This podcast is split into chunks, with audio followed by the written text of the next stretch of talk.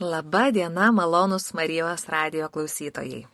Šiandien aš Smiltė Juraitė kalbinsiu istorinės prezidentūros Kaune muziejininkę, istorikę, daktarę Ingridą Jakubavičianę.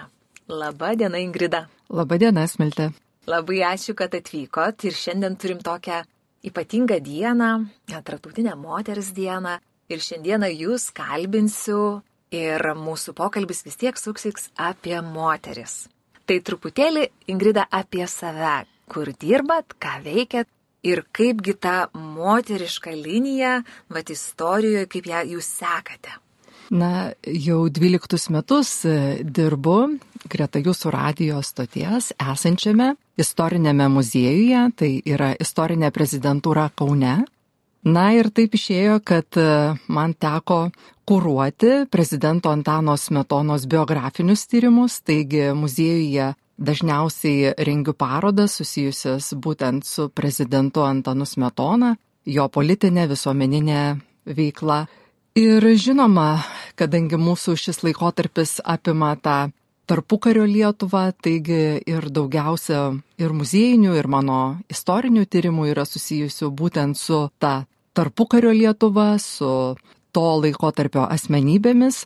Na, o bet tyrinėdama prezidentą Antaną Smetoną, žinoma, kad negalėjau nepastebėti ir labai ryškios jo žmonos, Sofijos Smetonienės.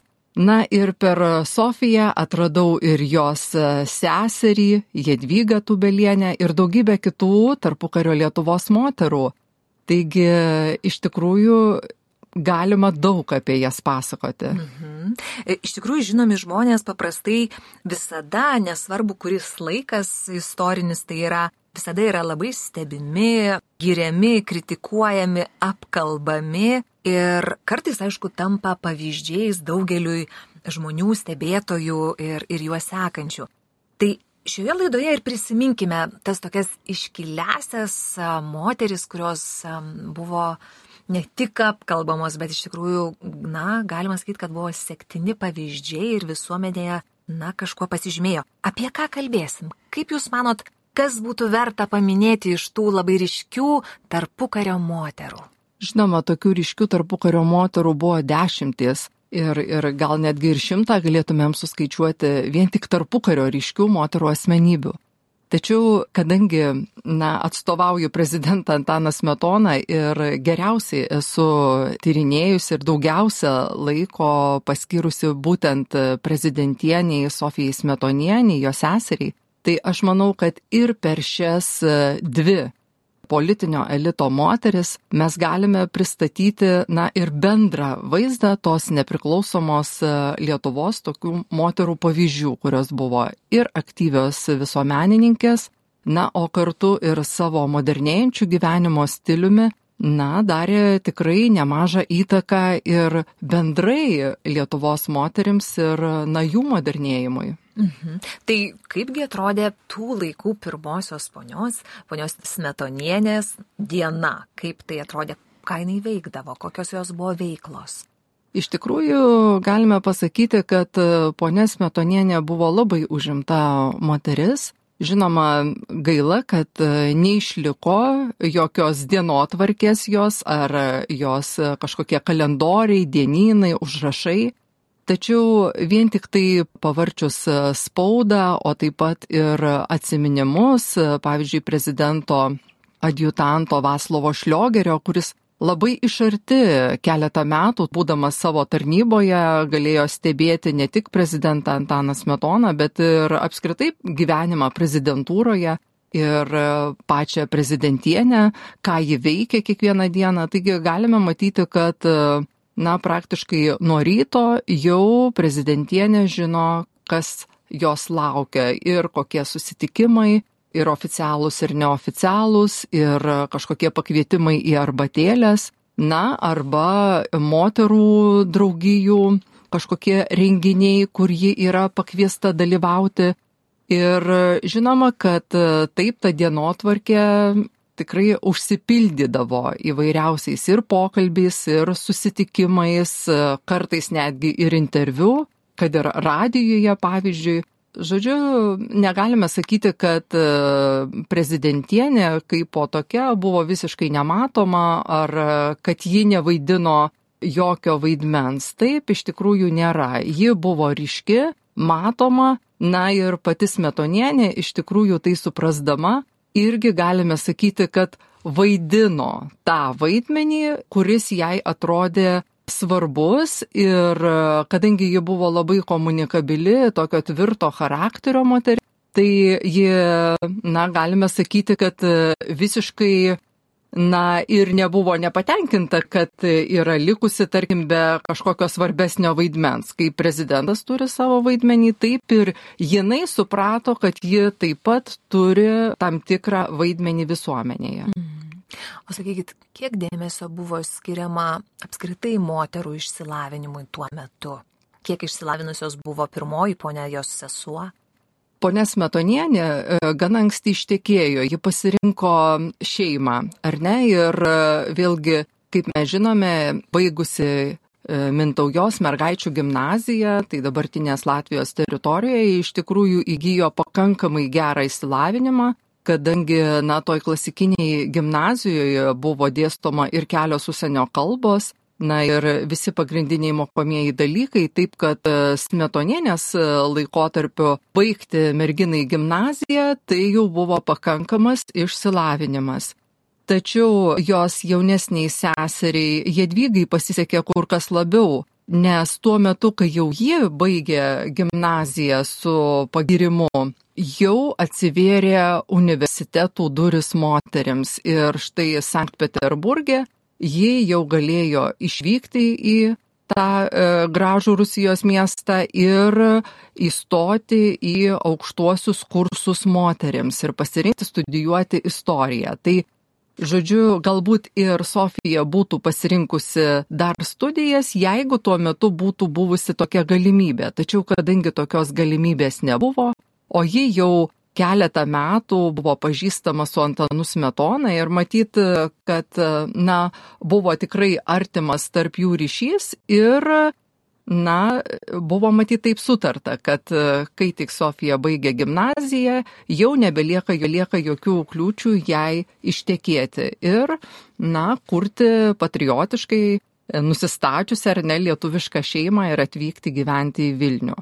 Tai, žodžiu, tas išsilavinimas, jos abi jį turėjo pakankamai aukšto ligmens, o apie Jadvygą, jos seserį galime netgi pasakyti, kad ji puikiausiai baigė ir istorijos studijas universitete ir jai pirmai buvo pasiūlyta dėstytojos vieta universitete. Tai čia Lietuvoje? Tu, ne, čia yra Sankt Peterburgas, čia yra Rusija, taip, imperinė sostinė.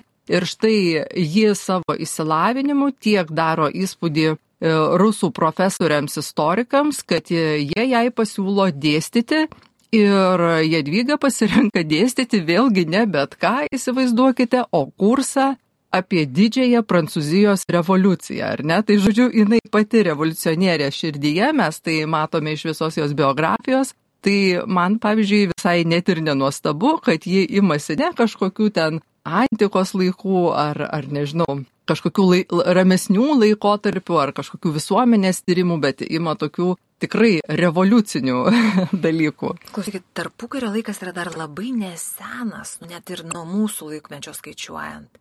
Ir kai pagalvoji, va, ta duotybė, pavyzdžiui, išsilavinimas moterims, aukštasis mokslas, ar ne? Lietuvoje tuo laiku dar nebuvo įmanomas, ar ne?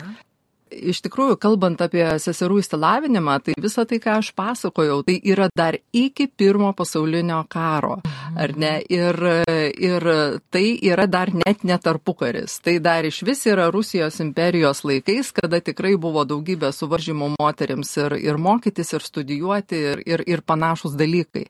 Tuo tarpu tarpukariu Jau mes žiūrėkime 1922 metai, vasario 16 dieną Kaune yra įsteigiamas Lietuvos universitetas, ar ne? Yra suprantama, kad mes netekom Vilniaus, prarandam savo senąjį universitetą, tačiau jeigu mes kūrime naują modernę valstybę, mums yra neįmanoma, ar ne, be įsilavinusios visuomenės. Todėl vos tik susidaro sąlygos, kad jau ir nepriklausomybės kovos baigtos ir, ir panašiai, iš karto suskumbama kurti Lietuvos universitetą ir čia iš tikrųjų jau nebėra jokių kliučių ir jaunoms moterims e, stoti, studijuoti, baigti.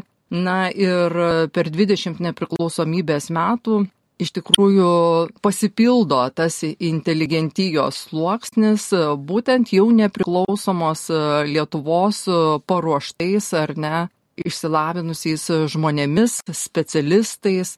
Tai, žodžiu, seserys tokių sąlygų, nei Smetonienė, nei Tubelienė, kokias turėjo jau jaunesnės moterys tarpukario Lietuvoje, žinoma, kad neturėjo. Mm. Sakyt, nu, kaip aš suprantu, kad išsilavinimas ir tas toks mokslo alkis ir suprat, tai buvo viena iš vertybių, kuri nu, buvo suprantama ir puoselėjama. O kokios dar vertybės to laikmečio moterų buvo puoselėjamos ir kiek jos skiriasi nuo to, ką mes mūsųse dabar puoselėjam kaip vertybės? Iš tikrųjų, reikia kalbėti apie tai, kad, na, seserys savo jaunystėje dar nebuvo tikrai labai toli nutolusios, tolusios nuo tradicinės ar ne visuomenės, kad štai moters vieta yra šeimoje.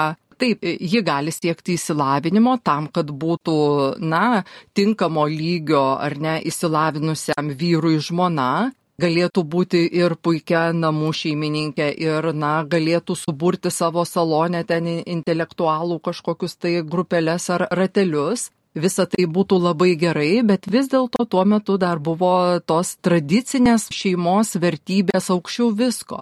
Pirmiausia, tai turi būti ir gera žmona, ir gera motina savo vaikams.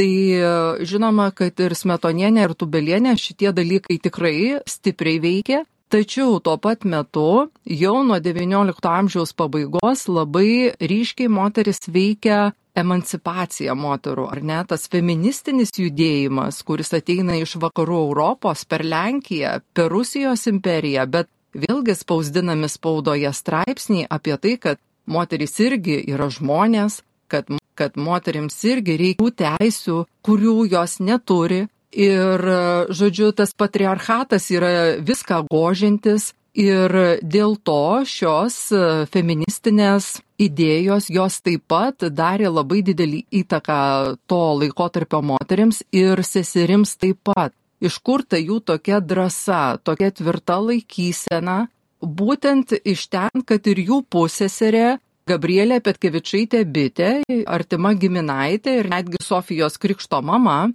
juk ji yra pas mus Lietuvoje laikoma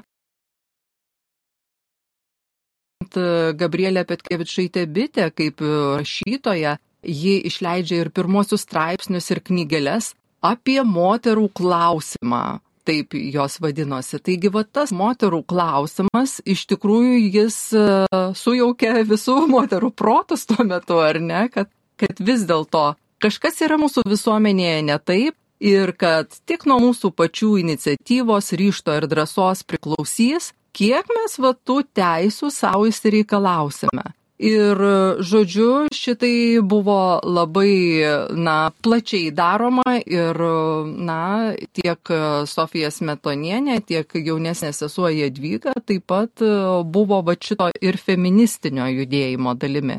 Tai, žodžiu, va tos vertybės tarp tradicinių, galime sakyti, ir tarp tos jau modernėjančios visuomenės tradicijų, kuris sako, ir ypač tai jau tada išriškėja tarpukario toj nepriklausomoj Lietuvoje, kad, na, moteris taip e, labai gerai, jeigu ji bus puikia žmona, namų šeimininkė, puikia motina atsakingai auklėjanti savo vaikus. Bet greta viso to Visuomenė neturi uždaryti moteriai kelių į išsilavinimą, į profesiją, taip, ji neturi uždaryti kelių moteriai į visuomeninį gyvenimą, į dalyvavimą kažkokiuose visuomeninėse draugijose, organizacijose. Moteris turi turėti teisę būti ne tik žodžiu, šiaip moterimi, bet ir aktyve, besikūrenčios Lietuvos pilietė.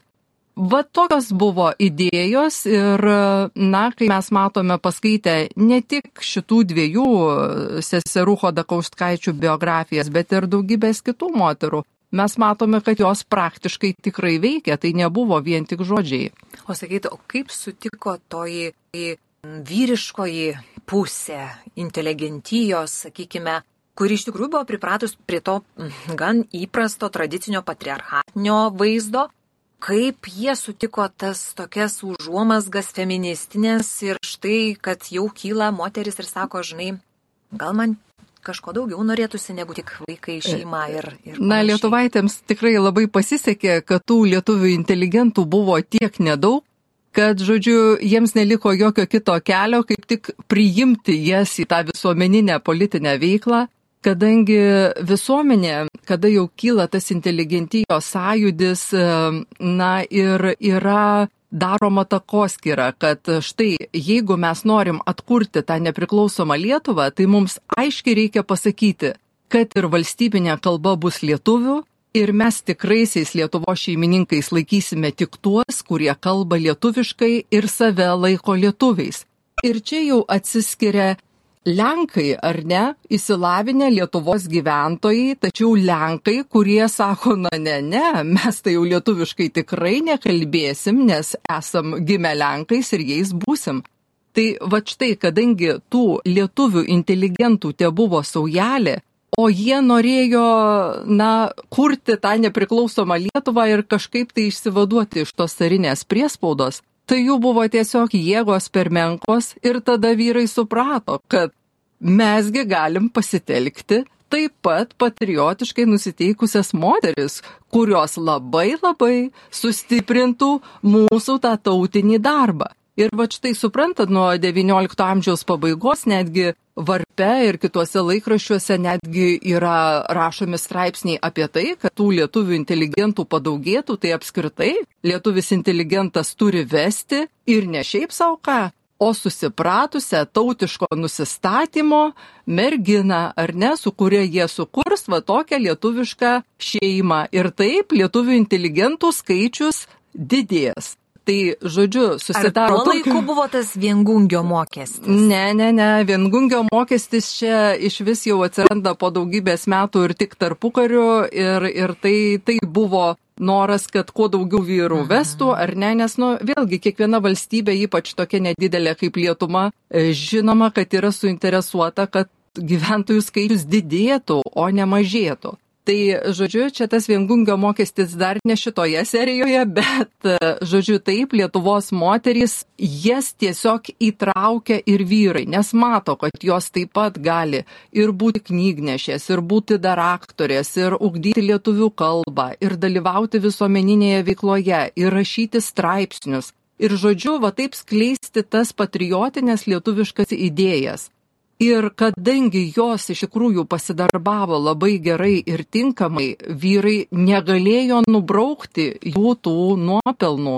Todėl, kai buvo jau atkurta Lietuvos nepriklausomybė, ar ne, ir 18 metais mes jau pradedame kurti naują tą Lietuvą, ar ne, jie negali tai paprastai moteriams sakyti, na viskas, ačiū, galite grįžti į namus, ar ne, nes jos jau buvo labai daug įdėję darbo iki tos nepriklausomybės atkūrimo. Ir va tuo pirmuoju dešimtmečiu netgi galime pamatyti labai aiškiai, kad e, kai dar kūrėsi ir valstybinis, valstybinis aparatas, ir, ir ta nepriklausomybė dar tokia trapi ir netvirta.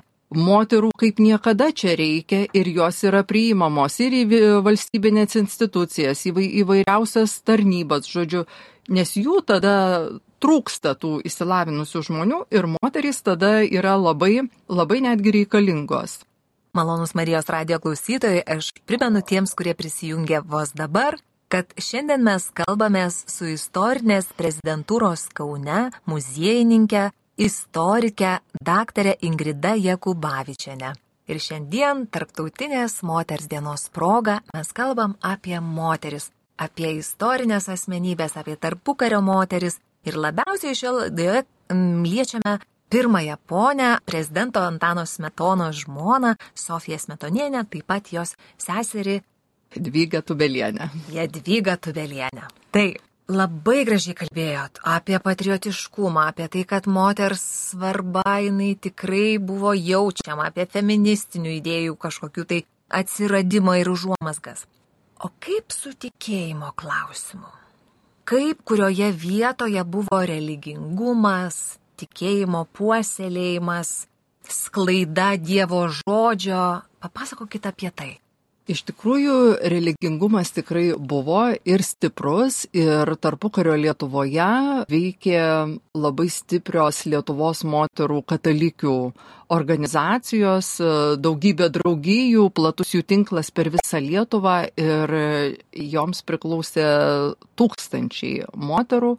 Ir šitos draugijos tikrai nuveikė nemažai ir labdaros rytyje, leido ir leidinius Ir vėlgi čia labai nusipelno žinoma pirmininkė šitos draugijos e, Magdalena Galdikenė, kuri buvo ir visų seimų narė, ji buvo ir politikė, ir pedagogė, ir labai labai aktyvi visuomenininkė.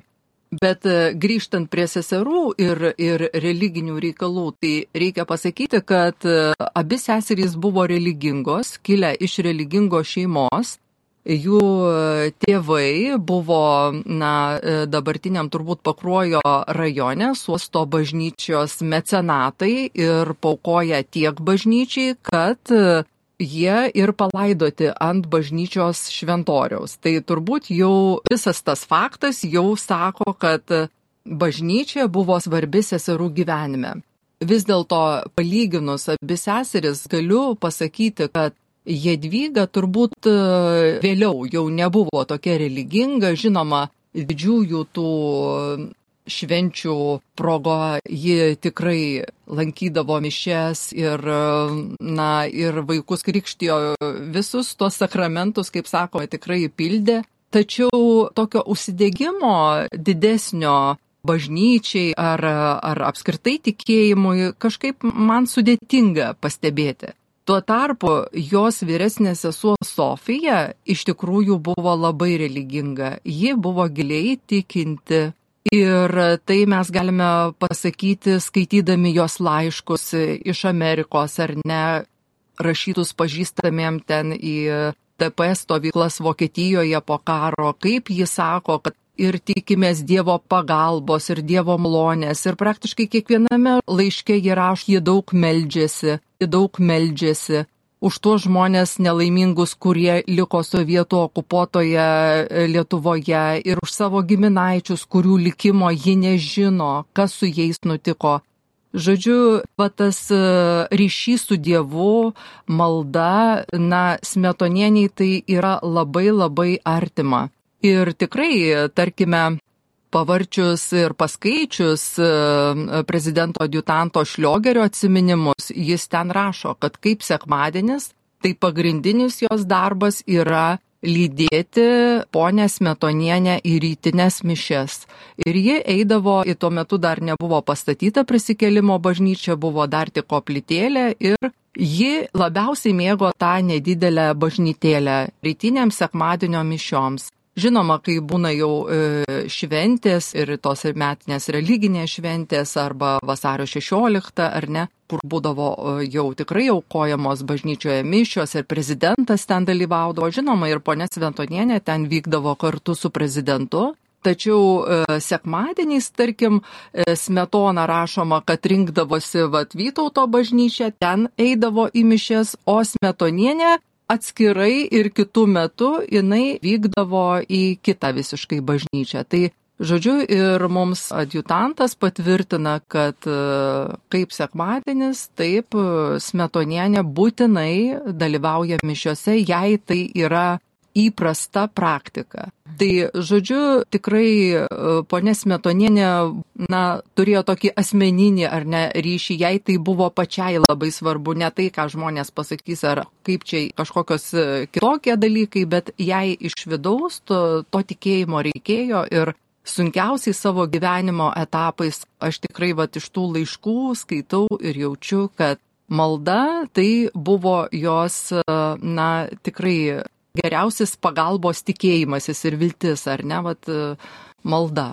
O kurie e, jos gyvenimo momentai yra na, kaip jūs sakot, patys sudėtingiausi, ką galim istoriškai aptikti ir nujausti arba suprasti, kad tai buvo sunkus periodas? Na, iš tikrųjų buvo nemažai tokių sunkių periodų, tai tarkime, na, dar jaunystėje e, Smetonos praranda vieną dukrelę, ar ne, ji sunkiai susirga smetgenų uždegimu ir nesulaukusi trijų metų ta maža mergaitė birutė miršta. Tai šeimai buvo tikrai didelis, didelis sukrėtimas. Ir vat, matyt dėl to, kad ir kiti dar po to smetonienė susilaukė dar vieno sunelio ir taip smetonos užaugina du vaikus, dukrą Mariją ir sūnų Julių. Žodžiu, suformuoja jai labai didelę atjautą Ir e, tapusi prezidentienė, ji ima globoti našlaičių namus, puikių našlaičių organizacija Lopšelis, kur ji tampa garbės pirmininkė ir iš tikrųjų negailėdama ir laiko, ir jėgų, jis tengiasi padėti tai organizacijai, kuri rūpinasi kūdikiais, pamestinukais vaikais ir jų likimu. Nes e, tikrai va ta motinystė ir tokia gana sunki motinystė išūkdė na, jai e, labai daug e, tokio atjautimo ir kitoms moterims, kurios e, turi sergančius vaikus arba našlaičiai, kurie apskritai neturi, neturi motinų. Panašiai turbūt ir Jedvyga. Jedvyga susilaukė vienos dukros, tačiau tas gimdymas buvo toks komplikuotas, kad mergaitė vos nenumirė ir dėl to komplikuoto gimdymo šiaip jau sveikas kūdikis gavo tokią traumą, kad tapo beveik neįgalus. Ir irgi augindama neįgalę dukrelę, Tubelienė irgi dalyvauja daugybėje veiklų, kurios yra nukreiptos būtent į pagalbą neturtingoms šeimoms, į sergančius vaikus, pagalbą motinoms ar ne, ir jos dėka atsiranda ir motinos ir vaiko muziejus ar ne, kuriame ten netgi pristatoma moteriams, kaip reikia laikytis hygienos normų, kad, e, na, kuo daugiau švaros, tuo mažiau lygų ar ne, kaip pastebėti įvairių užkrečiamų lygų požymius, kad laiku būtų suskupta kreiptis į gydytoją ir panašiai. Tai Žodžiu, daugybė tokių dalykų, kuriuose jos tikrai nuveikė labai daug. Mhm. Tik reikia pamatyti, kur buvo ta jų veikla. Kai mes, jeigu mes nenorime matyti ir norime matyti tik tas ponės gražiai pasipuošusias kažkokiame baliuje, tai tiek ir matysime, bet yra ir daug daugiau jų veiklų.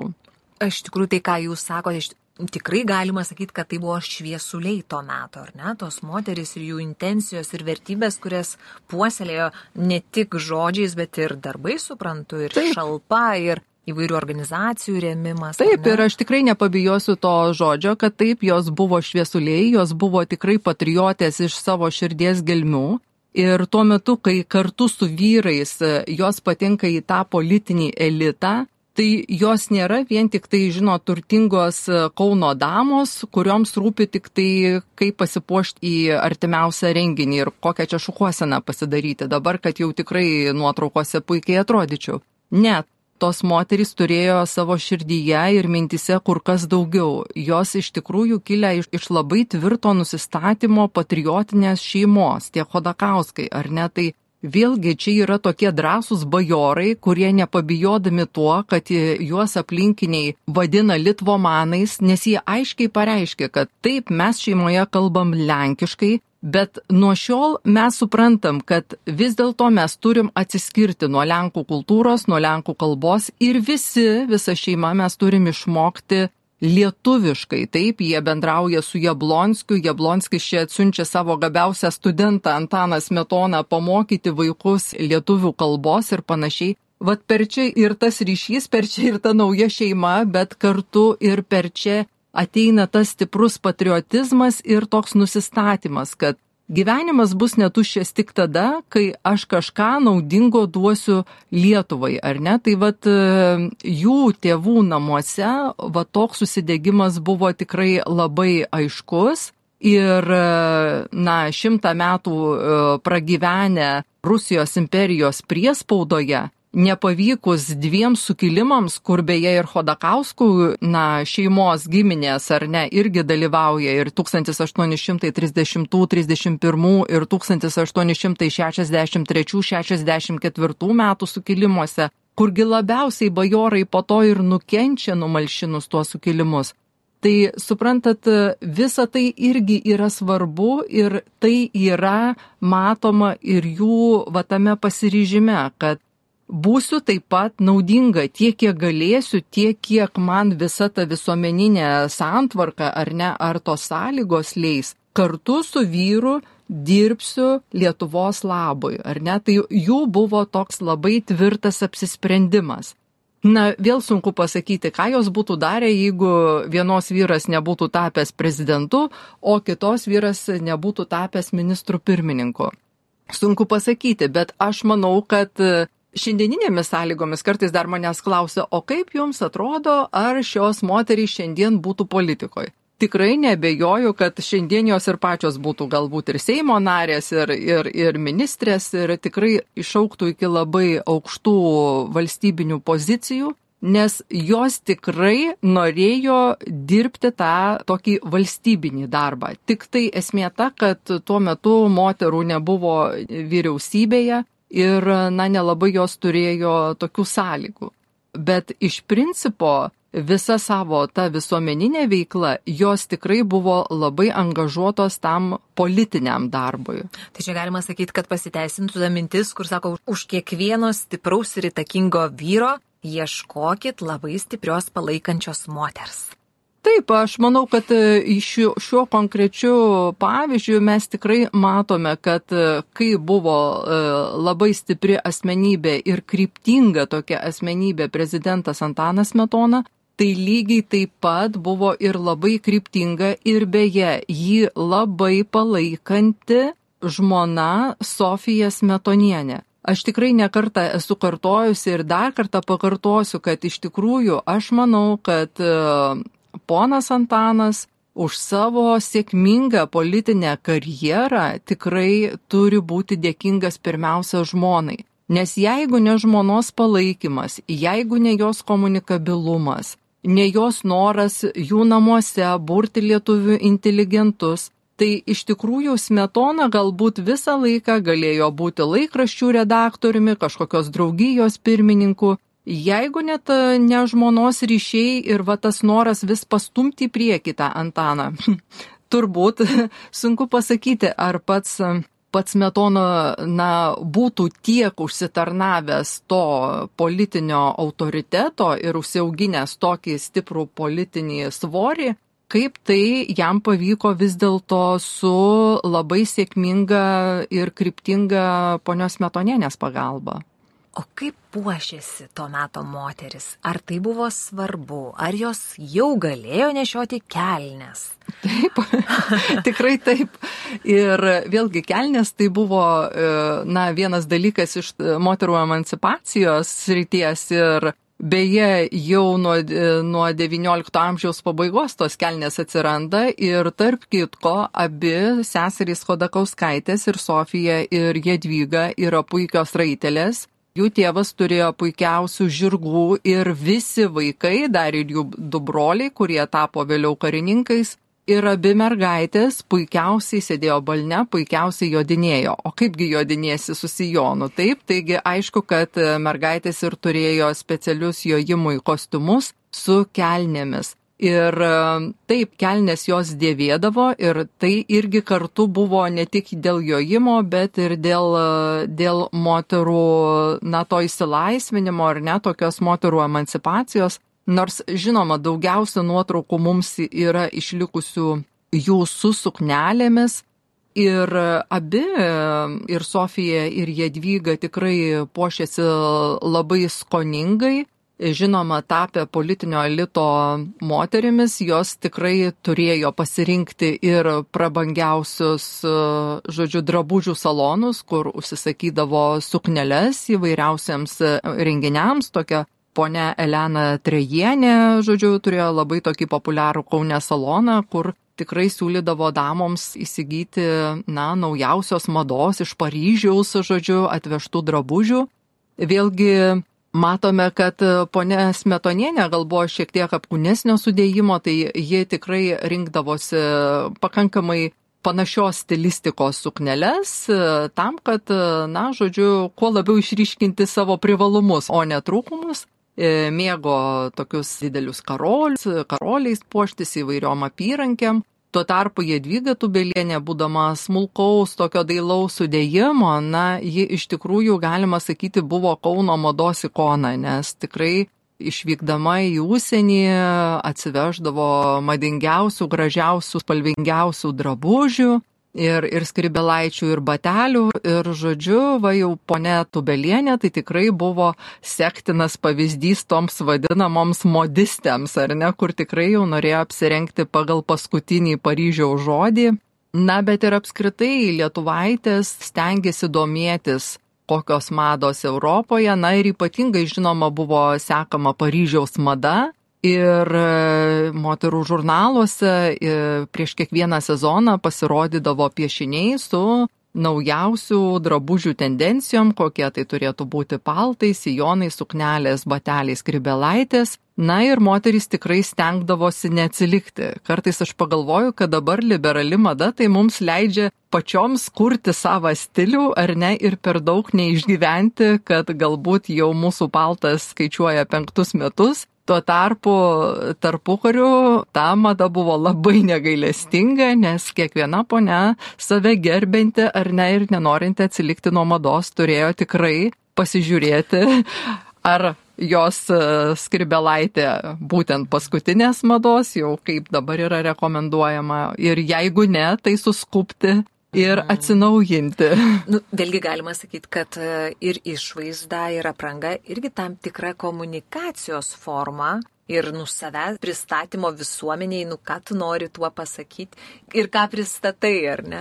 Taip, žinoma, ponė Smetonienė, kai jau tampa prezidentienė ir yra labiausiai matoma viešumoje Lietuvos moteris, žinoma, kad supranta, kad negali išeiti bet kaip apsirengusi taip, juk ji turi kartu rodyti ir tam tikrą savo statusą, ar ne? Taigi savaime suprantama, kad ir, na, šukuosena moralio kirpykloje ir, žodžiu, nauji drabužiai, nauja suknelė atitinkamai baliuje ir gražus bateliai ir tinkama rankinė viskas čia yra svarbu, taip, nes tai kartu yra ne tik jos pačios asmeniškai reprezentacija, bet ir visos Lietuvos reprezentacija, juk ji stovi greta Lietuvos prezidento.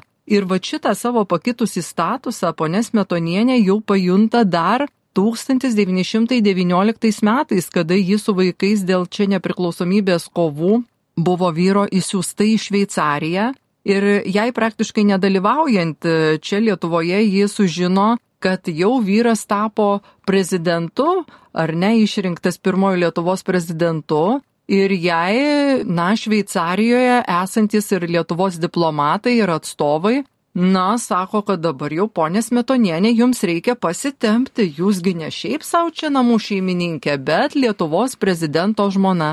Ir štai dėl to Sofija jau rašo tada laiškė vyrui, kad žinai, gal tu atsiųsk man frankų, kuriuos tau duoda reprezentacijai, nes būdama Lietuvos prezidento žmona negaliu vaikščiot nuklypusiais batais ir gyvent kokiam nors urve, ar ne, nu tai suprask kažkokiam pigiam išnuomotam kambarį, ar ne, nu jau reikia palaikyti statusą. Tai va, tai jį tikrai labai greitai suvokė ir kad vyro pareigos ją taip pat įpareigoja tinkamai atrodyti, taip rodyti pavyzdį kažkokį, tai, tai visa tai jai tikrai buvo aišku. Šiandien mes taip įdomiai Tarptautinės moters dienos proga kalbinam ir kalbam su istorinės prezidentūros Kaune muziejininkė, istorikė, daktarė Ingrida Jekubavičiane.